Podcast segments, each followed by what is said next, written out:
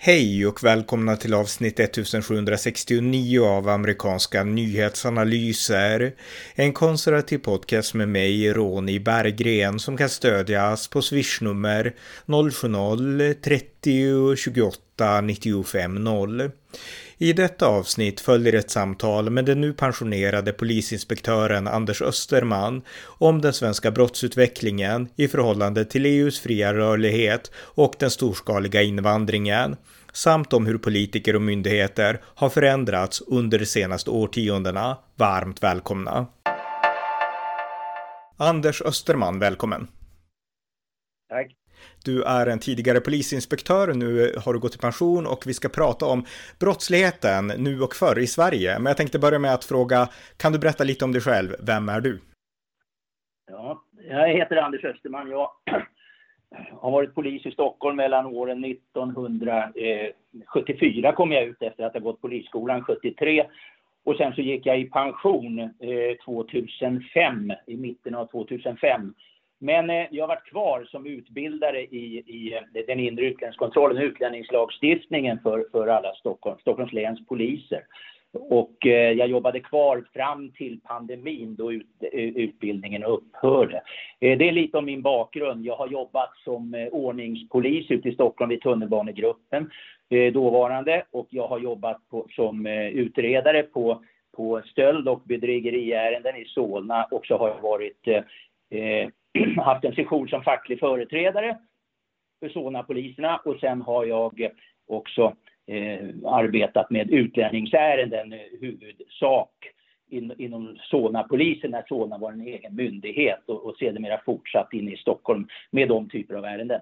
Mm. Men då har du alltså det här långsiktiga perspektivet på brottsbekämpning och brottslighet i Sverige och det är ju precis det som är ett hett ämne nu i samhällsdebatten och det är det vi ska prata om, brott för och nu. Och eh, ja, alltså om du utifrån ditt perspektiv börjar, alltså hur skiljer sig brottsligheten idag från förr och eh, riskerna för allmänheten och sådär att bli utsatta, alltså vad är, vad är skillnaderna från nu och, och förr? Ja, jag, ska, jag ska komma till det eh, om en liten stund bara. Jag tänkte också dessutom tillägga att jag har haft tre år i, i, i fredens tjänst i, eh, på Balkan. Dels för FN, där jag har varit så att säga eh, eh, fredsmäklare nere i eh, eller civilpolis och, och, och övervaka eh, lokalpolisen i, i det, det forna Jugoslavien. Jag har eh, arbetat som polislärare i Kosovo och jag har också eh, eh, arbetat med att syna kriminalpolisutredningar i det som idag heter Nordmakedonien. Så då fick jag det tillagt till, till, eh, till mitt övriga. Det var, det var bra att veta, för det är, det är alltid intressant att jämföra andra länder. Vi kanske kan återkomma till det på slutet också, lite mer om just den skillnaden. Men här och nu då, brott för och, nu och för i, i Sverige? Ja, om man ska börja med att och, och, och då titta hur allmänhetens risker att bli utsatt för brott. Jag skulle vilja inleda med att säga, och hänvisa till den eh, nationella operativa avdelningens rapport under vintern 2015 där, man, där det förekommer bostadsområden i Sverige som har problem med brottslighet och andra problem av social natur. Och I den här rapporten delar NOA in eh, så att säga, bostadsområdena i, i tre kategorier, problemområdena särskilt utsatta områden, utsatta områden och riskområden. Och de här grupperna benämns då samställt av polisen för problemområden, resterande är ej utpekade områden. Och eh, i och med att Polismyndigheten här delar in landet efter utsatthet och risk, och områdena beskrivs att leva utanför samhällets normer, som de skriver i rapporten, och att det uppkommer svårigheter för polisen att återta sin auktoritet i dessa områden, då vill jag ju påstå att här erkänner polisen i rapporten att ja, i princip, vi har kapitulerat, vi klarar inte av det här jobbet idag som vi gjorde tidigare. Och eh, på något sätt så eh, vet vi väl alla och känner på oss i alla fall, även om vi inte vill tala om det, att det har skett en normalisering av avvikande beteende som påverkar både invånarna och polisen och andra myndigheter som arbetar i de här områdena. Och avvikande beteenden, det är brottslighet, eller vad, vad betyder det? I Ja, det är brottslighet och att man, att man överhuvudtaget vill bestämma i områdena. Att det inte, det, det, man, från, man tar ifrån polisen auktoriteten att bestämma. Och man, man bestämmer själv över våldskapitalet skulle vi kunna säga. Eh, det här meddelandet det ger ju en signal till allmänheten att vara uppmärksam på var någonstans du vistas och vara på din vakt när man vistas, vistas på lokala färdmedel då som har kanske linjetrafik till dessa områden. Och eh, alltså det som i huvudsak använder skjutvapen för att fullfölja sitt ändamål, de har i nutid ej heller några skrupler eh, för vilka som kan tänkas komma i vägen vid sådana här våldsamheter. Och det har vi sett exempel på under de senaste, den senaste tiden. Mm. Men alltså, det innebär alltså att polisen i den här rapporten i praktiken säger att de här områdena, de kan vara farliga eller till och med att de är farliga för allmänheten att liksom vistas i ibland. Alltså kan man, kan man liksom, kan man tolka det så? För jag antar att det skrivs inte öppet så, men kan, kan man liksom läsa in det? Nej, ja just det, det menar jag. Det kan man läsa in om man läser mellan raderna att, att de, de eh, liksom har kapitulerat här. De våldskapitalet har förflyttats från polisen till orädda gäng. Och, och, och eh, det är det som har hänt och det, det eh, märks ju på många gånger man läser i, i media och överhuvudtaget hur, hur knappt eh, SL-busschaufförer som, som eh, inte törs ta betalt för eh, påstigande från vissa av de här områdena. Man är rädd att, att bli, bli så att säga märkt. Mm. Eh, men alltså jag tycker att det är intressant, vi kanske kommer in på det här lite djupare om en stund, men alltså för när man hör poliser uttala sig så säger de oftast i liksom offentligheten om du får en fråga av journalister att vi som polis och vi, Sverige, man kan vara överallt, man får gå vart man vill, det finns inga förbud, alltså man är väldigt, man betonar, tycker jag i alla fall utifrån min liksom när jag ser nyheterna, man betonar gärna att liksom nej men alltså vi säger ingenting utan det är liksom Sverige är ett fritt land, man får röra sig hur man vill och så, alltså att liksom att det är två liksom dubbla budskap lite grann. Ja, men är, man, man, om man läser rapporten så, så märker man och, och, eh, att, att, att polisen har kapitulerat i dem, eller så att säga eh, drar sig undan i de här områdena. Att man inte har, man har inte eh, våldskapitalet, man har inte auktoritet i områdena och det är det de skriver också. Eh, sen att, att poliser i gemen inte uttalar sig på annat sätt, det får man väl kanske ha, ha förståelse för. Mm. Eh, men om vi ska gå över, gå över till riskerna då, så de här riskerna, det som beskrivs i den här rapporten, eh, visar det på något sätt att riskerna är större idag än de var förr? För det finns ju många som lyssnar och jag också som inte kan liksom ha det perspektivet, alltså nu och förr i förhållande till den här rapporten till exempel. Ja, jag skulle vilja påstå att det, det risken att bli utsatt för brotten är avsevärt större idag än det var på till exempel 60, 70 och 80-talet.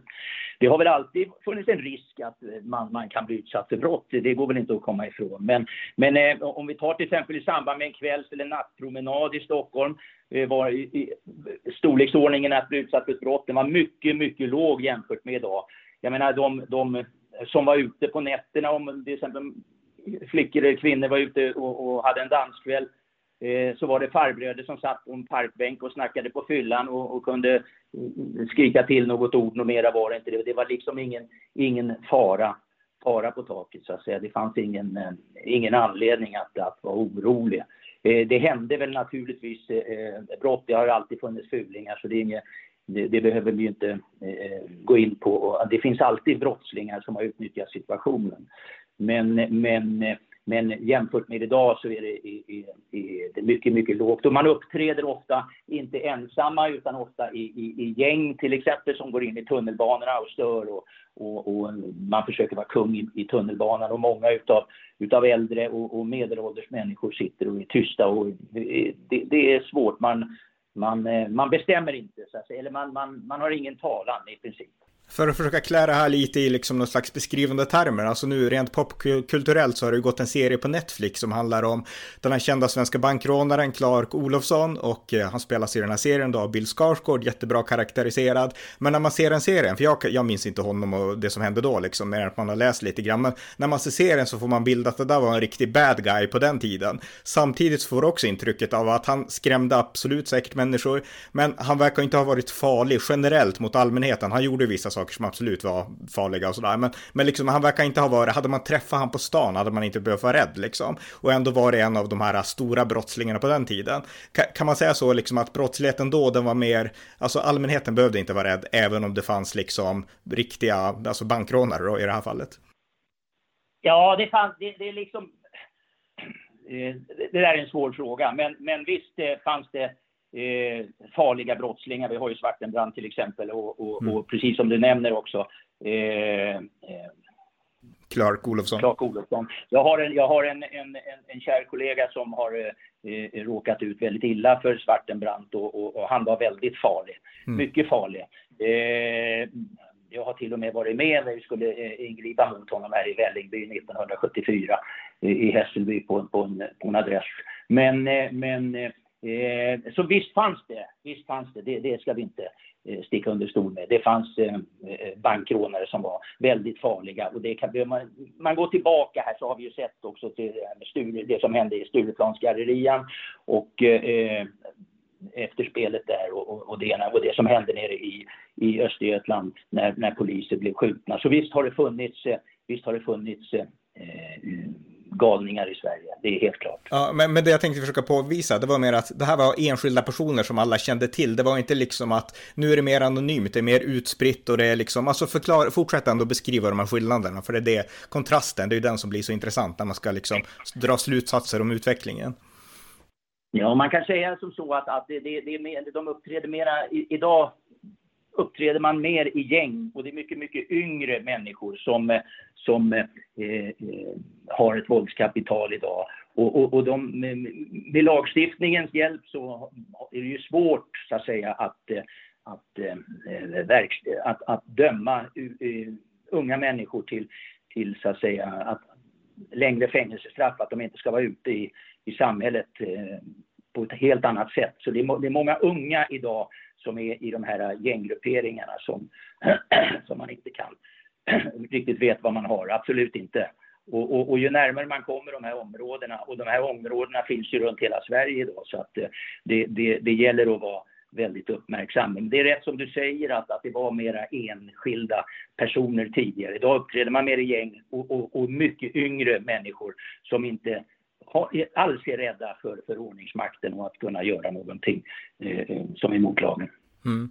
Eh, för det vi har, alltså bara för att ge några exempel, de flesta har säkert läst om det här, men alltså vi har gängskjutningar, vi har drogkarteller och vi har liksom det är gruppvåldtäkter det skrivs om och sådär och det är förnedringsrån, alltså saker som åtminstone inte jag när jag var, jag är kring 40 nu, liksom inte, inte kände till när jag var tonåring. Så att eh, det, det hände oerhört många saker. Så att eh, det för oss egentligen till nästa fråga och det är varför har det blivit så här i Sverige?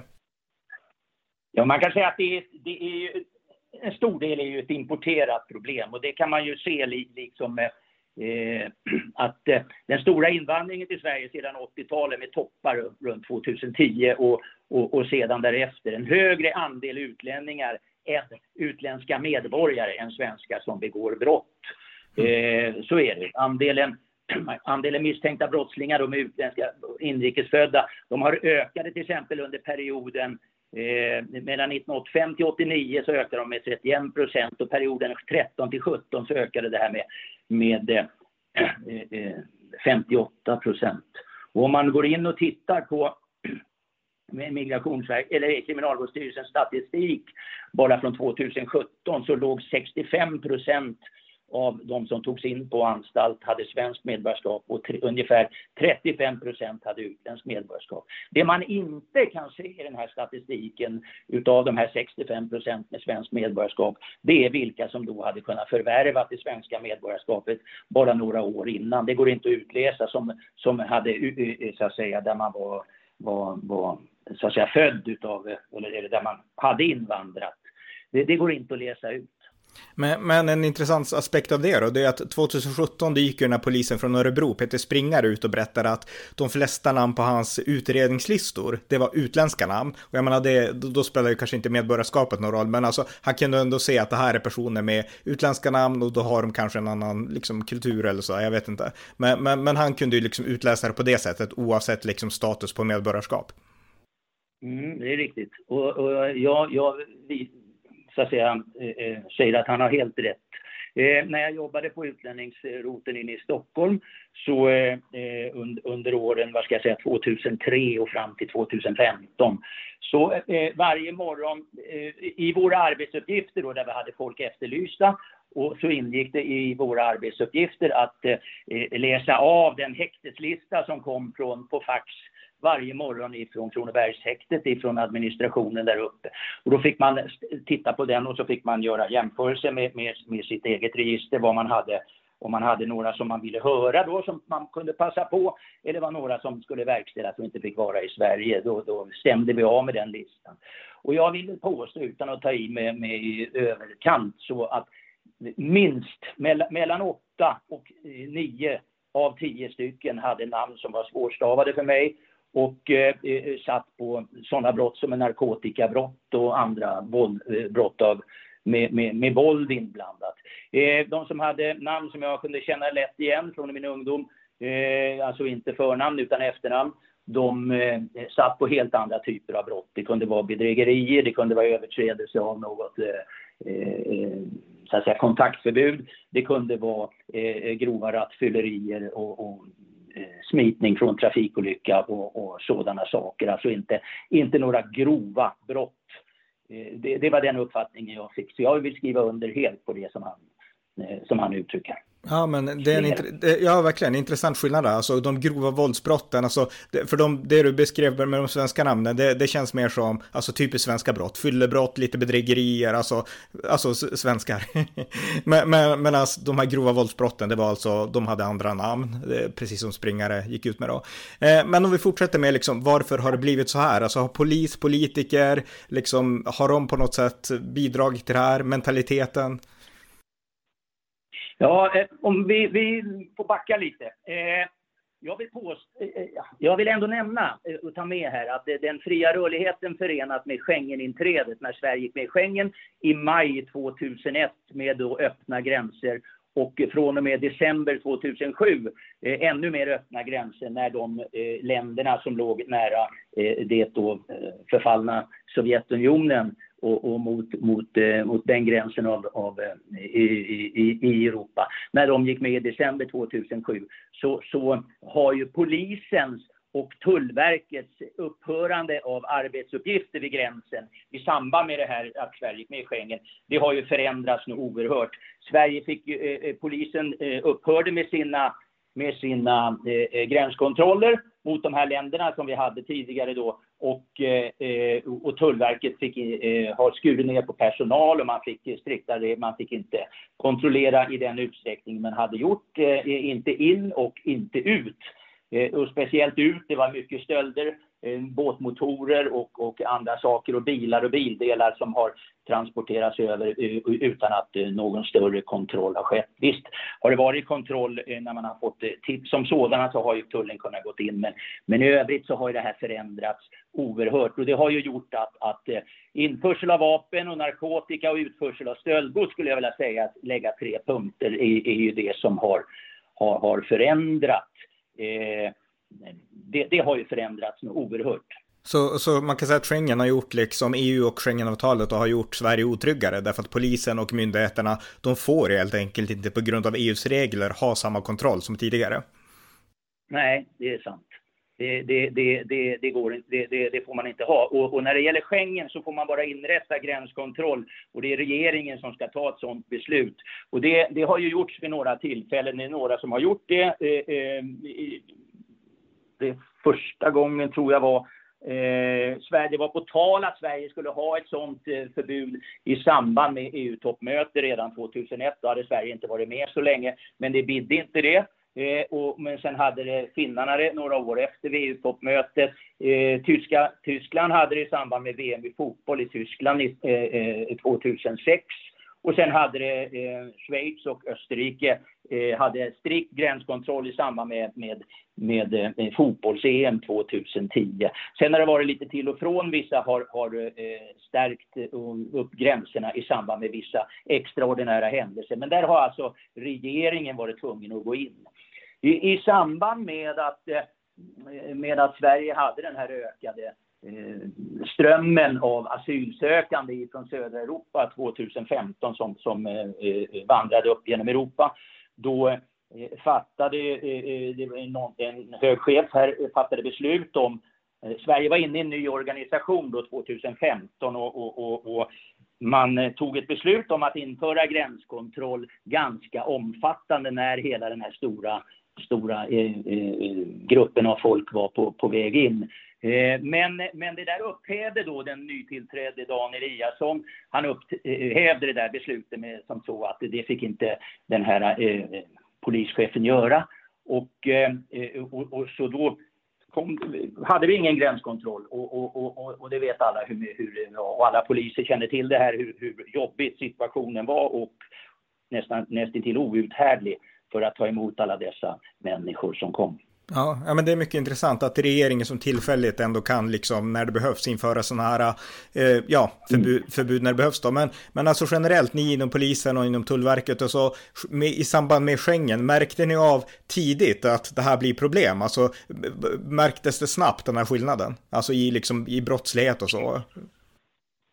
Ja, man kan väl säga att, att när Sverige gick med i Schengen så det, de, stora, de stora förändringarna kom ju efter efter december 2007 när de här eh, många av länderna som, som kom ifrån, eh, alltså som låg nära, nära, nära, vad ska jag säga, de som hade tillhört eh, Warszawapakten innan, eller de som, de som låg nära Ryssland, eh, de, när de kom med då, då, blev det mycket, mycket mer.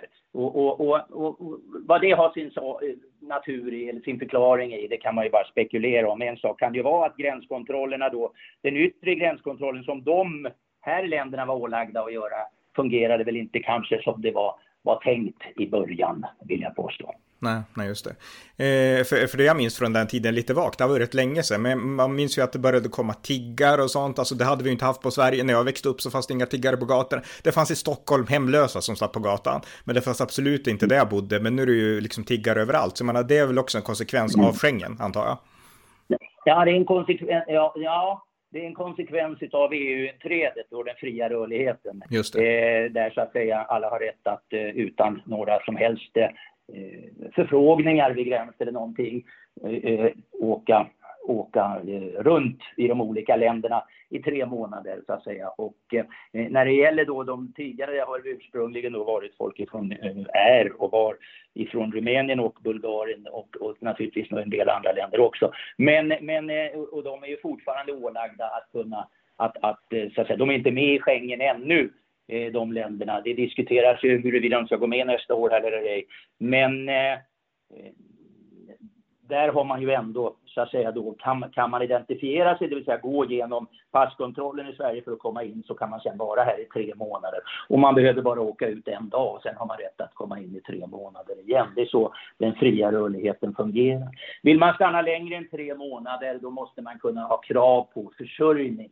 Men eh, det här kravet på försörjning, det ska Migrationsverket eh, utföra. Och att eh, eh, Migrationsverket har inga rullande patrullbilar, det existerar inte. Och, och att, att då det skulle kunna fungera på, på tänkt sätt, det, det, det, det finns inte på kartan. Och polisen har helt andra helt andra prioriteringar än att prioritera det här. Mm. Men okej, okay, EU har bidragit och Schengen och i synnerhet, men finns det fler anledningar om vi går in på polis och politiker och så här till varför den här utvecklingen ändå har kunnat ske med ökad brottslighet och eh, ja, särskilda områden? Ja, jag vill ju säga som så att det, det, är också svenska politikers rädsla och oförmåga där, där också polisen har smittats av att ta tag i den här ökade införseln av vapen och narkotika och, stö, och utförsel av stöldgodsen. Det är ett eh, oansvarigt handlare som än idag genomsyrar politiken. Och vi kan ju bara titta på terrorattentaten i Stockholm 2010 och 2017 som var. Eh, man förstärkte bevakningen 2010. Eh, därefter så, så satte man, efter det här fruktansvärda terrordådet som var 2017, så satte man eh, så satte man ihop en utredning i statens offentliga utredningar från 2017. Och här kom man, kom man fram till att i den här, om man läser, synar den här utredningen så ska man föreslå ett antal förändringar i lagstiftningen, kommer man överens om i, i de som sitter i den här utredningsgruppen och redovisar den i december 2017 till regeringen. Men man kan säga som så att det är inte mycket, om ens något, utav detta som har gått igenom idag. Hmm. Eh, var du själv med? Alltså, jag minns ju mycket väl det terrorattentatet 2017, liksom, alltså, när man följde via nyheterna. Var du med då på något sätt delaktig liksom, i? Nej, nej, nej. Nej, det, jag var inte med då. Jag, jag bedrev mitt utbildningsuppdrag i, i Stockholm där jag hade ansvar för alla Stockholms poliser och, och, och hur man skulle, hur, hur, kontroll av utlänningar ute, eh, eh, skulle, skulle ske utifrån de, det givna regelverk som vi hade i de föreskrifter från Rikspolisstyrelsen 2011. Mm. Eh, men om vi kommer in på, alltså du har också berättat när vi, vi samtalade lite grann, alltså att en skillnad i polisens i mentalitet och så, det är att polisen idag agerar lite annorlunda än förr och du härleder det lite till att nu har man gått från en yrkesskola till en mer akademisk skola när det gäller polisutbildningen och det var helt nytt för mig. Kan du, kan du beskriva det lite grann? Ja, alltså det där kan man ju ha åsikter om, men regeringen avvecklade 1998 polisens eh, tidigare utbildning för att bli konstapel, att bli polis. Och polisen hade, när jag gick 1973 så var det en yrkesutbildning. Och vi var avlönade och anställda utav staten när vi började, från dag ett. Eh, idag, sen avvecklade man det här och gjorde det till en, en, akademisk polisutbildning som skulle kunna leda till en högskoleexamen och den har vi fortfarande idag. Och den, den är mycket längre och eh, mera omfattande där man läser eh, en del akademiska eh, eh, ämnen som inte ingick i den yrkesutbildning utan, som jag gick och, och, och som följde eh, åren därefter i så att säga, 73 till 98 i 25 år. Men eh, eh, man flyttade också man flyttade också utbildningen så att säga, från, från Sörentorp ute vid Ulriksdal som var en mycket bra fungerande polisskola med goda inarbetade övningsområden som var lätt att genomföra. Man hade skjutbanor, man hade filmskjutbanor och man hade eh, eh, väldigt, eh, satsat väldigt bra på en bra polisutbildning. Och det flyttade man så att säga ner till, då, till Södertörn, bland annat i Stockholm och sen inrättade man i Växjö och i Umeå inrättade man också polis eh, polisutbildningsställen och man kunde hade också för, eh, fördelen att få, eller det, det fanns möjlighet att läsa in till att bli polis på distans, distansutbildning. Så att säga.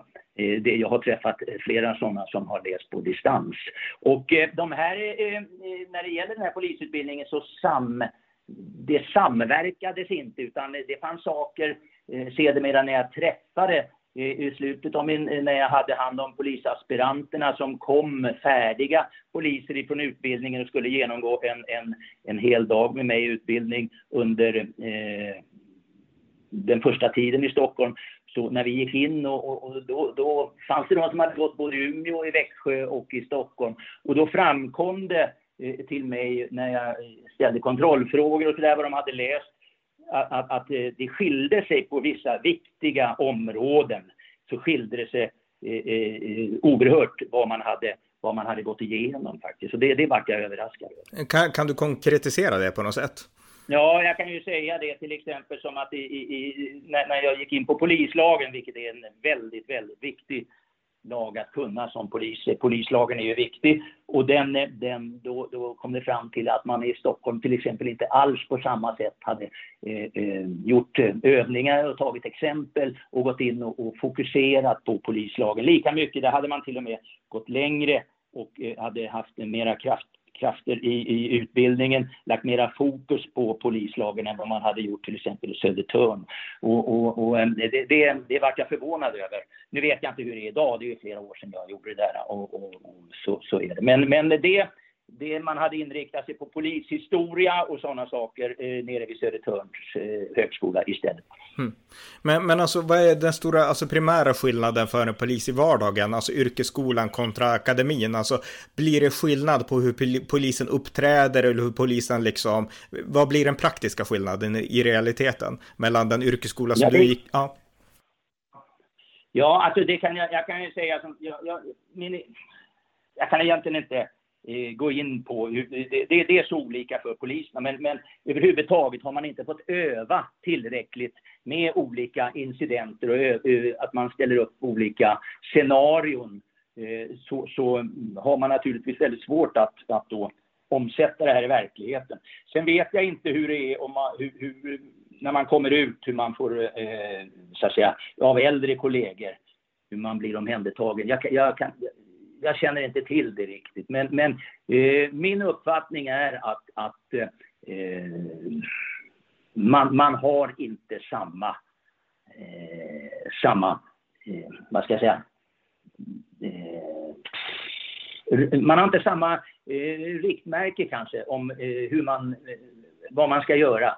Eh, eftersom man, och, och, har man läst för mycket akademiska ämnen så tror jag också att man ibland inte riktigt vet hur man, hur man ska hantera vissa saker. Just det. Nej men alltså det är intressant och du för mig in på några praktiska konkreta exempel. Därför att jag menar, som en del av allmänheten, vilket jag är då, eh, alltså man känner ju att polisen, det ska vara medborgarnas liksom skyddsgarde mot brottslighet, mot våld och liksom det, det är polisen som, som står mellan oss, vanliga medborgare och liksom brottslingar och speciellt våldsbrottslingar skulle jag säga då. Och eh, jag har sett en del klipp på internet, dels så var det en en person, jag tror att det var i en stad i södra Sverige, som polisen skulle prata med honom och lugna honom och han stod och svor och han sa liksom att ja, jag ska peppra dig och din familj och så vidare. Så det var väldigt mycket så här, det var otäckt att se för det var mm. liksom dels hotet som fanns i hans röst, aggressionen liksom helt främmande för mig liksom. Mm. Och, och, sen så stod mm. han där och polisen bara tog det liksom. Polisen stod bara och nickar och liksom och då tänker man att du är polis, det är du som ska liksom, alltså man tänkte liksom sätt på honom handbojor och liksom sådär. Jag menar, den formen av mentalitet hos polisen Eh, kan du på något sätt kommentera det? Alltså, skiljer det sig idag från hur poliser skulle agera i en sån situation mot hur de, hur de skulle ha gjort förr? Ja, jag kan väl säga som så. Under den tiden som jag jobbade i yttre tjänst som polis, och det var mellan åren 1975 till 1985, 1974 till 85.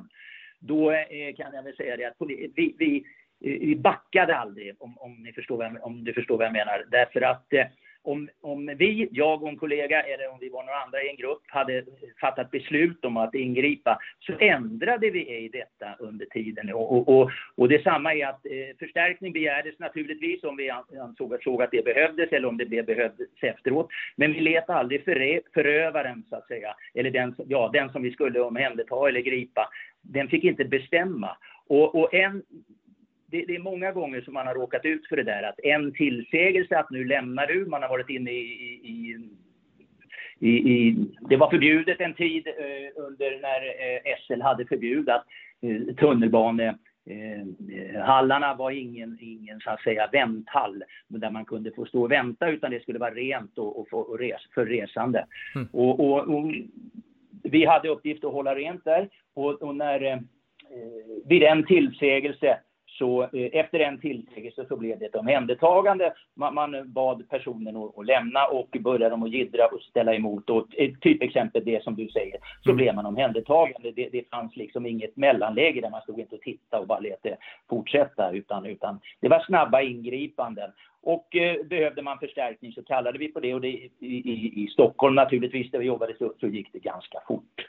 Men, men, jag tänker, men, jag, ja, men jag tänker vad, liksom, vad, vad har förändrat det här? För jag menar, jag tycker, jag menar, jag är inte ens polis, men jag menar, om man vore polis, även om man är utbildad att höra, för jag förmodar att ni är det, ni ska lära er hur man ska ta hot och sådana saker, så måste det ändå kännas otäckt att stå där som liksom en person, för man är ändå en person, och personen säger att jag ska komma och peppra ditt hem, alltså det är liksom, Alltså, dels så liksom det personliga, men också, alltså, varför, gjorde, varför gör man inte så nu ungefär? Ja, det, det, eh, jag tror att det finns en inbyggd rädsla i, idag, till skillnad från vi. vi hade, eh, man kanske inte har samma stöttning upp i leden som vi hade. Eh, och, och, eh, vi visste ju liksom i, i, i ryggmärgen att så här gör man inte. Man säger det är missfirmelse mot polisman och, och att man uttalade hot. Liksom. Det kan ju också ha att göra med att man inte eh, ja, man, man, vågar inte ingripa, man är kanske rädd för att göra fel. Jag kan se som ett exempel på den polisen som gick ner på knäna här inför en mobb här i den här BLM-demonstrationen som var i Stockholm för några år sedan här. Mm. Att, att eh, det, det, det är ju förödande att se att man viker ner sig, för det är ju inte polisens sak att visa, vika ner sig inför en mobb och om man blir hotad. Det, det, det, det rimmar inte med, med mig, med, med, med mitt sätt att se på det. Och jag kan väl uttrycka som jag har gjort några gånger på Facebook när jag har skrivit någon kommentar att jag skulle aldrig vilja åka som en radiobil med, med, en sån person som jag vet kan vika ner sig om man kommer in på ett hemskt lägenhetsbråk. Eller om man ska göra ett genomsök i ett varuhus en natt eh, att leta efter, efter eventuella inbrottstjuvar. Det, det är ingenting som eh, jag skulle inte kunna klara av Eh, och, och, ett pass med en sådan person. Men en sak till innan vi går vidare, för du, alltså det finns ju dels såklart hoten från brottsligheten, men du säger att på er tid så var ni uppbackade. Eh, skulle du säga att alltså, polisen idag, känner de kanske inte att de är uppbackade på samma sätt av sina chefer, av politiker, av samhället? Alltså finns det mer polisskepticism idag som även på något sätt gnager sig in hos enskilda poliser? Ja, det, det, det, är mycket möjligt att det, att det har blivit så. Jag kan väl bara ta, eh, alltså det är inte lätt för polisen idag heller. För poliserna vill jag säga. Det är inte, eh, det är inte enkelt. Om, om vi tittar bara på eh, den tidigare polismästaren här, Karin Götblad, då, som, som 06 beslutade att måla en polisbil med logon Aina, som är ett turkiskt skällsord. Och, och, och, och, och, sen så eh, ställer man sig undrande varför polis, ska acceptera att bli kallade så. Och, och, många poliser har skrivit om det här att det är en kränkning av sin egen arbetsgivare, det är magstarkt liksom. Att jag tror att det finns en os att det kan finnas, jag säger inte att det finns, men jag tror att det kan finnas en osäkerhet hos, hos eh, poliser att eh, eh, ingripa emellanåt. Är, eh, att man inte ska klara av situationen eller att man gör fel. Men jag tror inte heller man har den eh, eh riktiga backningen som man får. Man har inte det tror jag. Och det har att göra med att man har mycket det här med värdegrundsarbetet och, och, och så att säga som på lång sikt, jag tror, uppfattar mig i alla fall vad den, eh, jag tycker jag är av den eh, Mm. inställningen att det egentliga polisarbetet kommer i, i mycket i skymundan. Och, och, och, många civilanställda sitter på höga befattningar förenat med det här ar nya arbetet som är på gång. Och, och, och, och eh, man kan väl säga som så, eh, direkt när, han, eh, den, ny, den nya förändringen skedde 2015 så eh, den nya rikspolischefen då Eliasson, han gick ju direkt ut i, i trampade snett genom att ge sympati till en mördare som, som mördaren på, på Ikea i Västerås. Och det här var ju många poliser som uppfattade, sig, uppfattade det väldigt, väldigt eh, felaktigt att ens högsta chef skulle ge, skulle ge sympati till en mördare. Var det det här klassiska klippet när han sa vad har den stackaren råkat utföra? Alltså när han ja, liksom... just det. Ja, ja just exakt. Det. Mm. exakt. Ja. Och, och, det tror jag han trampade snett direkt.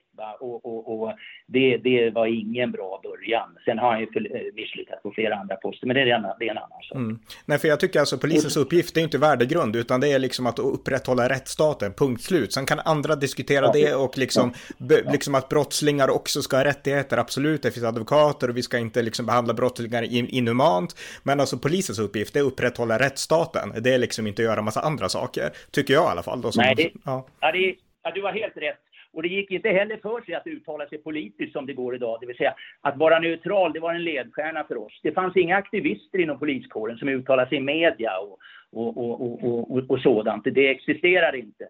Så att, eh, så att det, visst, det är en helt annorlunda poliskår idag. Och, och, och många poliser vill säkert göra och, och, känner att de är hämmade i sin utveckling på grund av många sådana här saker som vi tar upp. Men eh, sen, sen, vill jag också komma in på eh, varför. Jag vill också nämna att lagarna inte är inpassade riktigt efter invandringens storlek och brottsbalken har väl inte nämnvärt förändrats under 30 år vad det gäller straffskalorna. Det är först från januari 2022 som straffrabatten för 18 till 21-åringar eh, eh, i fängelse över ett år togs bort och så ändrades livstidsdomar till att gälla 18-åringar också. Och där är ju en som dömdes nu under, under det senaste året. Och sen så måste jag ju också nämna lite om, om eh, eh, migrationen och invandringen och utlänningslagen som, som eh, har varit fokuserad, som jag har jobbat mycket med. Mm. och Eh, Eh, hur den har förändrats då sedan, sedan man beslutade att, att eh, så att säga att man skulle eh, man måste ha tillstånd för att vistas i Sverige, så kallad kontrollerad invandring till Sverige. 1968 redan antog riksdagen det. Och sen en, det har det förändrats. Det har varit en ny utlänningslag 80. 89, så när jag började med de här ärendena så gjorde polisen asylutredningar. Sen stoppades de över till, och polisen tog till och med beslut i asylutredningar 89 fördes de över till Migrationsverket. 93 så ändrade man höjningen av barn till 18 år från 16 år i, i, från att ha varit 16 år till eh, 93. 94 kom en ny proposition utav, utav då nytillträdd, eh, det var Ingvar Carlsson som satt och, och, och hans regering, eh, där, man, där man inte skulle ta så hårt på begreppet vandel det vill säga hur skötsam man är innan man skulle ges eh, uppehållstillstånd i Sverige, utan man skulle titta framåt istället. Reglerade invandringen var inte, heller, eh, eh, det var inte, var inte så noga längre, S ville se framåt. 95 ändrades hela asylprocessen till Migrationsverket, eller det hette Invandrarverket då, och 96 så skulle man införliva eh, när, när statens invandrare, eh, eh, migrationen i arbetet, vilket vi fick reda på här för inte alls så länge sedan att det hade ju inte fungerat alls. 97 övertog Migrationsverket förvarslokalerna och, och, och, det innebär en stor sak för polisen som hade då dels verkställigheter och dels förvarslokaler. Då i, övertogs eh, förvarslokalerna eh, ansvaret utav Migrationsverket. Här är en väldigt viktig sak att när polisen har hand om någon som är arresterad av en eller annan anledning och, och, och, ansvaret för det så lyder polisen under lagen om anhållna och häktade, precis som Kriminalvårdsstyrelsen. Men när Migrationsverket tar över det som är en civil myndighet så, så finns det inget sådant tjänstemannaansvar. Och jag kan väl säga utan att, utan att eh, överdriva att sedan Migrationsverket tog över de här förvarslokalerna så eh, eh i alla fall i många år framåt så eh, när polisen hade det då kunde det rymma en på tio år. Och när Migrationsverket tog över det så kunde det rymma tio på ett år.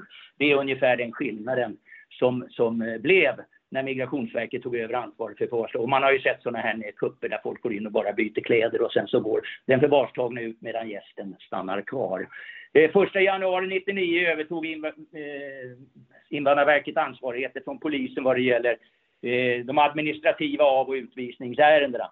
Och, och, och och, och, det här var många polischefer som tyckte det var bra att bli av med detta. Och, och, och men, och, det överfördes till Migrationsverket och sen namnändrades i juli 2000 Invandrarverket till Migrationsverket.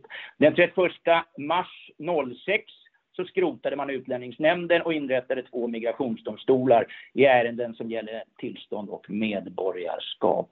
Alltså på något sätt då, från att polisen har haft det här och där polis poliser som jobbar med förhör och utredningar i ryggmärgen eh, eh söker efter så att säga fel och, och ställer kontrollfrågor i sådana här ärenden till, till en civil myndighet där man så att säga inte alls har den, de tankarna i bakhuvudet. Så, så den konkreta, alltså de konkreta konsekvenserna av den här förändringen, har det blivit att vi har ingen koll längre på vilka som är här och vi kan inte utvisa, alltså vad, rent praktiskt, vad, vad, vad, har, vad har det här inneburit, den här förändringen? Ja, vi har mycket, mycket mindre koll, mycket mindre koll. Och, och i många fall så, så eh, krockar den här kontrollen, eh, eh, så att säga, Migrationsverket och, och, och det, det Migrationsverket har inte den här, eh, vad ska jag säga, eh, de har inte på samma sätt, eh, de har inte heller våldskapital så, och får använda våld till exempel inne på, på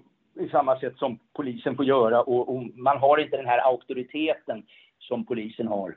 Och, och det gör att, eh, men, men många, många polischefer tyckte det var skönt att bli av med de här ärendena och fokusera på annat. Eh, man hade en rädsla för att ta itu mycket med det här och det har man ju läst under åren så att säga. Det har ju varit mycket händelser med det. Men, men, men visst, det, det här har ju gjort att, att eh, det har blivit en annan slapphet i de här ärendena. Det kan man läsa i propositionerna också. Mm, och det här i kombination med, men för jag kan tänka mig då, eller alltså tittar man bara statistiskt, alltså invandringen till Sverige 89, den är ju ingenting jämfört mot invandringen liksom de senaste tio åren. Så jag menar, den här utvecklingen från polisen till Migrationsverket i kombination med samtidigt en ökad kurva av invandring, det måste verkligen ha liksom varit det sämsta av två världar i förhållande till att ha kontroll. Ja, speciellt eftersom polisen ska göra den inre utlänningskontrollen eh, så att säga eh, ute på fältet och, och, och då, det gäller ju bara, har man inga papper, inga handlingar, ingenting så säger man bara asyl och då får man köra över och vara som någon form av taxirörelse till Migrationsverket. Eller man får till och med, eh, det har ju varit som så genom att man har gett en, en tunnelbana eller bussbiljett eh, och, och en karta där Migrationsverket håller ut och sen släpper man den här som man inte har gjort någon kontroll och ingenting för man tänker inte göra det i och med att de ropar asyl. Eh, det är ju en helt annan lagstiftning i många andra EU-länder och det är det att den som säger att asyl måste man göra vid gränsen och gör man det inte, gör man det inte vid gränsen så kommer inte ärendet ha samma tyngd och dignitet som om man gör det inne i landet. Det, det pratas ju mycket om ett växande skuggsamhälle, så att det, det myndigheter i Sverige gör, det är egentligen att man bara släpper ut folk som kan bara bli en del av skuggsamhället egentligen. Svar ja. Mm, just det. Jag tänkte också fråga om, för du har varit med också om, alltså varit med om utvisningar. Det här är ju ett väldigt politiskt ämne i Sverige, alltså det här med utvisningar, alltså det får mycket kritik i media, vi måste alltid vara humana och det är bra att vara human vill jag betona. Men, men alltså du har, sett på, du har sett alla sidor av det här med utvisningar och hur liksom, hur det kan vara skillnad på liksom bilden i Sverige och liksom när en utvisning verkställs. Kan du berätta lite om dina mm. erfarenheter mm. från, från det här området?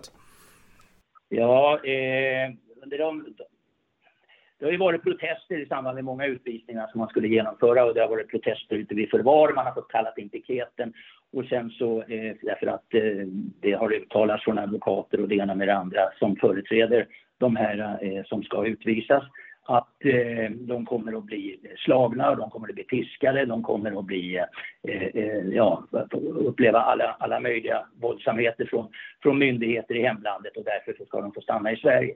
Eh, jag har verkställt många, många, många mellan 1987 och fram till 06 många ärenden av både grova brottslingar och, och andra. Eh, och, och, jag har aldrig upplevt det här. Eh, tvärtom, vid de allra flesta tillfällen så har släktingar mött eh, vid gränsen och eh, eh kramat om dem som har kommit hem och, och, det har aldrig varit några som helst eh, eh incidenter eller någonting. Eh, det har väl uppkommit vid något tillfälle våldsamheter men då har man då liksom i samband med att vi har haft transit kunnat, kunna låsa in vederbörande i, i en arrest, till exempel nere i Amsterdam innan man har flugit över till Västindien eller någonting sådant. Så det är ingenting som, eh, som eh, jag känner igen att det skulle ha blivit, blivit något sådant. Nej. Men, men alltså bara för att göra ännu mer konkret, alltså du har alltså, du har alltså tagit någon som har fått utvisningsbeslut, du själv har liksom eskorterat honom via flyget till sitt hemland och mm. när du har släppt av honom mm. så är det inte säkerhetspolisen som har varit där och dunkat honom gul och blå, utan då är det släktingar och sånt som har kramat honom och hälsat honom välkommen hem alltså? Ja, släktingar eller att de bara har eh, knallat rakt igenom. Eh, jag har aldrig upplevt att, att de har blivit, eh, så att säga, att de har blivit eh, något sådant, utan de har kunnat gått igenom och, och det har vi skrivit i rapporterna också. Just det, mycket intressant. Men upplever du också att det här har blivit mer politiserat med åren? Du som har perspektiv på det här. För jag menar, nu är det ju ofta, det var ju det förr också, det vet jag, men alltså det är ofta i media, alltså även SVT, public service, även de gör ju de här, om man säger snyftreportagen, att liksom vi är så hårda, hur kan våra myndigheter vara så hårda liksom? Eh, känner du att det har blivit mer politiserat här? Att det förut kanske var mer en tillit, nu har myndigheten fattat det beslutet och därför är det rätt. Eh, eh, liksom var det mer tillit till myndigheterna förut på något sätt? Ja, det tror jag. Det tror jag vi kan, vi kan säga. Att även om hur än lagarna var och, och, och, när det gällde prövningar då som hade gått hela vägen så, så, så, så var det polisens sak att verkställa det här. Eh, det, det, så upplever jag det faktiskt. Att man, det, finns, det är en helt annan rädsla hos politikerna idag än, än vad det har varit tidigare. Några, eh, mycket, mycket saker har ju inträffat också. Det, jag har ju, man, eh, man, Eh, det måste ha varit 2010 så avskaffade ju dåvarande regeringen det här med överklagande utlänningsärenden. Tidigare var det ju att, eh, att eh, när det gällde sista ordet som skulle sägas i, i, när det gällde, jag tror till och med det kanske var ännu tidigare, men eh, när det sista ordet skulle sägas i, i ett utlänningsärende så var det statsrådet som fick säga det här. Ja just det, det måste ha varit tidigare 06 eller någonting sånt, som 05. Men då så, så, jag hade flera gånger kontakt med, med, med sekreterare hos, hos eh, eh vad heter hon, Laila Freivalds som då satt och avgjorde ärendena.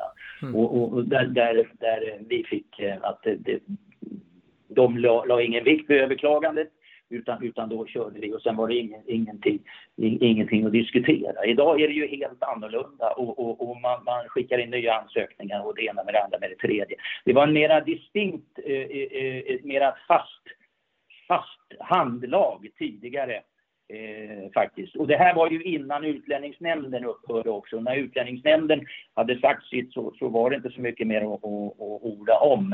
Eh, men, men idag är det ju domstolar och idag kommer man in med inlagor på ett helt annat sätt. Det finns en, hel, en annan rädsla eh, hos, eh, hos eh, eh, politiker idag. Det ser vi bland annat med det som eh, vi upplevde när, när det var det här som man i, i, i media benämner REVA, REVA-projektet 2013 och, och, och, där såg man ju alla eh, partierna, liksom, de flesta, eh, med, med, med justitieminister Ask i täten som, som eh, klagade på polisen utan att veta vad det handlade om. Och då hade polisen bara följt de föreskrifter och anvisningar som fanns ifrån Rikspolisstyrelsen när det gällde den inre utlänningskontrollen. Polisen gjorde ingenting fel. Och jag hade, var ansvarig för den utbildningen och det, det, den skickades till och med ner till Beatrice Ask utav dåvarande polismästaren i Stockholm som ville ha min utbildning och eh, vad poliserna fick för utbildning och jag har inte hört ett enda ord. Just det, för det handlar ju alltså om att göra kontroller om personer som man, man liksom träffade på om de var liksom, ja, vilken status de hade helt enkelt. Det var väl det det handlade om, det var länge ja, sedan. Mm. Ja, det, det låg i linjearbete så det tillhör egentligen inte det här REVA-projektet alls. Men, men, men media fick till det till att vara det och eh, eh man kontrollerade alla som reste vid P-centralen, och vid Ötorget och vid Slussen. De som reste utan eh, resehandlingar och försökte planka över vid SL-spärrarna. Och då tog man in dem och är, det är ju så att blir man föremål för poliskontroll och inte kan eh, i, i samband med att man, man vill eh, så att säga göra ett brott då, som brott mot SL-stadgan, att hoppa över utan, utan giltigt färdbevis. Och kan man då inte så att säga identifiera sig och, och, och, man inte kan förstå språket eller någonting och man frågar om ett pass, ja då åker man in. Då blir man omhändertagen. Mm. Svårare eh, var det inte. Nej, precis. Eh, men alltså, det, det som stör mig på den här allt mer nedmonterade auktoriteten, det tyckte jag man kunde se häromåret när Säkerhetspolisen hade, ja, de hade ju tagit in till förvar ett antal imamer, islamiska imamer i Sverige, så de ansåg de här utgör ett hot mot, eh, ja, mot, mot svensk säkerhet, för de här, eh, jag kan inte detaljerna men de värvade kanske till Islamiska staten eller vad de gjorde, men Säpo hade ju sina anledningar. Och det gick inte att utvisa de här, därför att det var lagar och det var myndigheter och det var liksom, och de släpptes tillbaka in i, i samhället. Och då minns jag att jag tänkte att nu står ju på något sätt, om det är lagarna, om det är myndigheterna eller om det är regeringen, men på något sätt så spelar de lite grann med liksom den allmänhetens liksom säkerhet. Alltså de ställer sig nästan, i praktiken i alla fall blir det ju så, på de här imamernas sida framför den allmänna säkerheten. Så jag menar, även det måste ju vara en konsekvens av ett, en svagare auktoritet från statens sida. Ja, det, det vill jag påstå. Du har, du har helt rätt. Jag är inte så insatt i de där ärendena, men jag kan ta andra exempel. Och det har jag läst på sistone här, att när domare går in och dömer, i, i, vi har ju en lagstiftning i Sverige som säger att om en, om en, en utlänning ska utvisas på grund av brott, där har ju inte Migrationsverket någonting med det att göra ännu. Det är fortfarande polisen som ansvarar för de verkställigheter av de ärendena. När det gäller brottslighet, när det gäller brottslighet alltså? Ja, just det. Mm. Eh, det. Migrationsverket har bara de administrativa, det vill säga ansökan om tillstånd och sådana här saker. Det är bara det som Migrationsverket, när man får nej i, Migrationsöverdomstolen eller i domstolen, när ett ärende vunnit laga kraft. Men, eh, men om, om, vi säger som så att eh, en, en, en åklagare yrkar, för det är ju så i, i svensk lagstiftning att åklagaren måste yrka Eh, eh, vid sidan av den, den eh, dom han ska eh, yrka på eller som han önskar få fäng, den, den åtalade fälld för, så måste han också yrka som en, som en, vad ska jag säga, som en del utav det här ärendet så yrkar han också på utvisning i domen. Och, och, och, en del åklagare, nya åklagare har jag upplevt, nu kanske det är bättre, de har glömt det här, de har inte tagit med det här och då har det fallit mellan stolarna. Visserligen kan rätten ta upp det inför sittande rätt om rätten finner det, finner det eh, så att säga angeläget. Men det, eh, och det kan väl hända ibland om det är riktigt grova brott som åklagaren har, har, har missat. Men, eh, men annars så görs inte det. Eh, man kan jämföra det med Norge till exempel som i sin strafflag har att rätten ska alltid pröva, pröva en, en utlännings, eh, eh, så att säga, eh, utvisnings, eh, eh, ett ärende om utvisning. Om det är fråga om fängelsebrott så ska rätten alltid pröva det. Det finns i den norska strafflagen, men vi har inte det något liknande i Sverige. Eh, och eh, eh, så är det. Så att, att, nu har jag läst på sistone att domare har gått in och sagt att det ändå inte går att verkställa till ett sådant land. Och det anser, det är, det är en helt nyhet för mig därför att tidigare eh, har rätten aldrig tagit hänsyn till om det inte går att verkställa i nutid. För saker och ting i världen, det vet vi, det kan ju förändras över en vecka och då kanske det går att verkställa och då har man eh, eh, eh, så att man får en dom om utvisning, att den sen inte kan verkställas är en helt annan sak. Man kan ju få ett uppsiktsbeslut, ett kommunbeslut eller att vistas så att säga under en viss plats. Men, men, men det här har man liksom det gick att göra förut, eller det gjordes förut, men, men idag är det svårt att få igenom det här, har jag märkt. Och, och det här förvånar mig. Mm. Ja, mycket intressant. Eh, jag har inga fler frågor. Är det något mer du vill tillägga eller sådär? Därför att det jag känner det att vi måste på något sätt få en omstrukturering av både det politiska och hur myndigheter funkar. Alltså om du skulle bara allra sist då på något sätt eh, sätta fingret på de viktigaste åtgärder Sverige behöver ta nu för att på något sätt få bukt på den här eh, växande laglösheten, om man säger så. Sverige, ja, det, det, det var en Svår fråga kanske. det, det, måste jag få fundera på ja, lite. Mm. Men, men jag skulle nog vilja att man så att säga eh, på något sätt, man, man måste gå in och, och, och strypa och göra eh, övergripande förändringar i, i, i utlänningslagen. Man, eh, och där kan man titta tillbaka på den SOU 2017 kolon 93 som jag syftade till tidigare. Eh, och, och man måste se över brottsbalken. Eh, man måste också eh, ta tag i polisens eh, utbildning och, och, och, och, alltså, så att säga, och då krav för att bli, bli polis. Det, det måste man göra. Det, det, det, det, finns säkert flera saker, men, men jag kanske får återkomma till det vid något annat tillfälle. Ja, men då vill jag säga tack så mycket Anders Österman för det här otroligt intressanta samtalet. Så tusen tack! Ja, tack så du ha. Hej! Tack för att ni har lyssnat på amerikanska nyhetsanalyser. En konservativ podcast som kan stödjas på swishnummer 070-30 28 95 0 eller via hemsidan usapool.blogspot.com på Paypal, Patreon eller bankkonto. Skänk också gärna en gåva till valfri Ukraina-insamling. Vi hörs snart igen. Allt gott tills dess.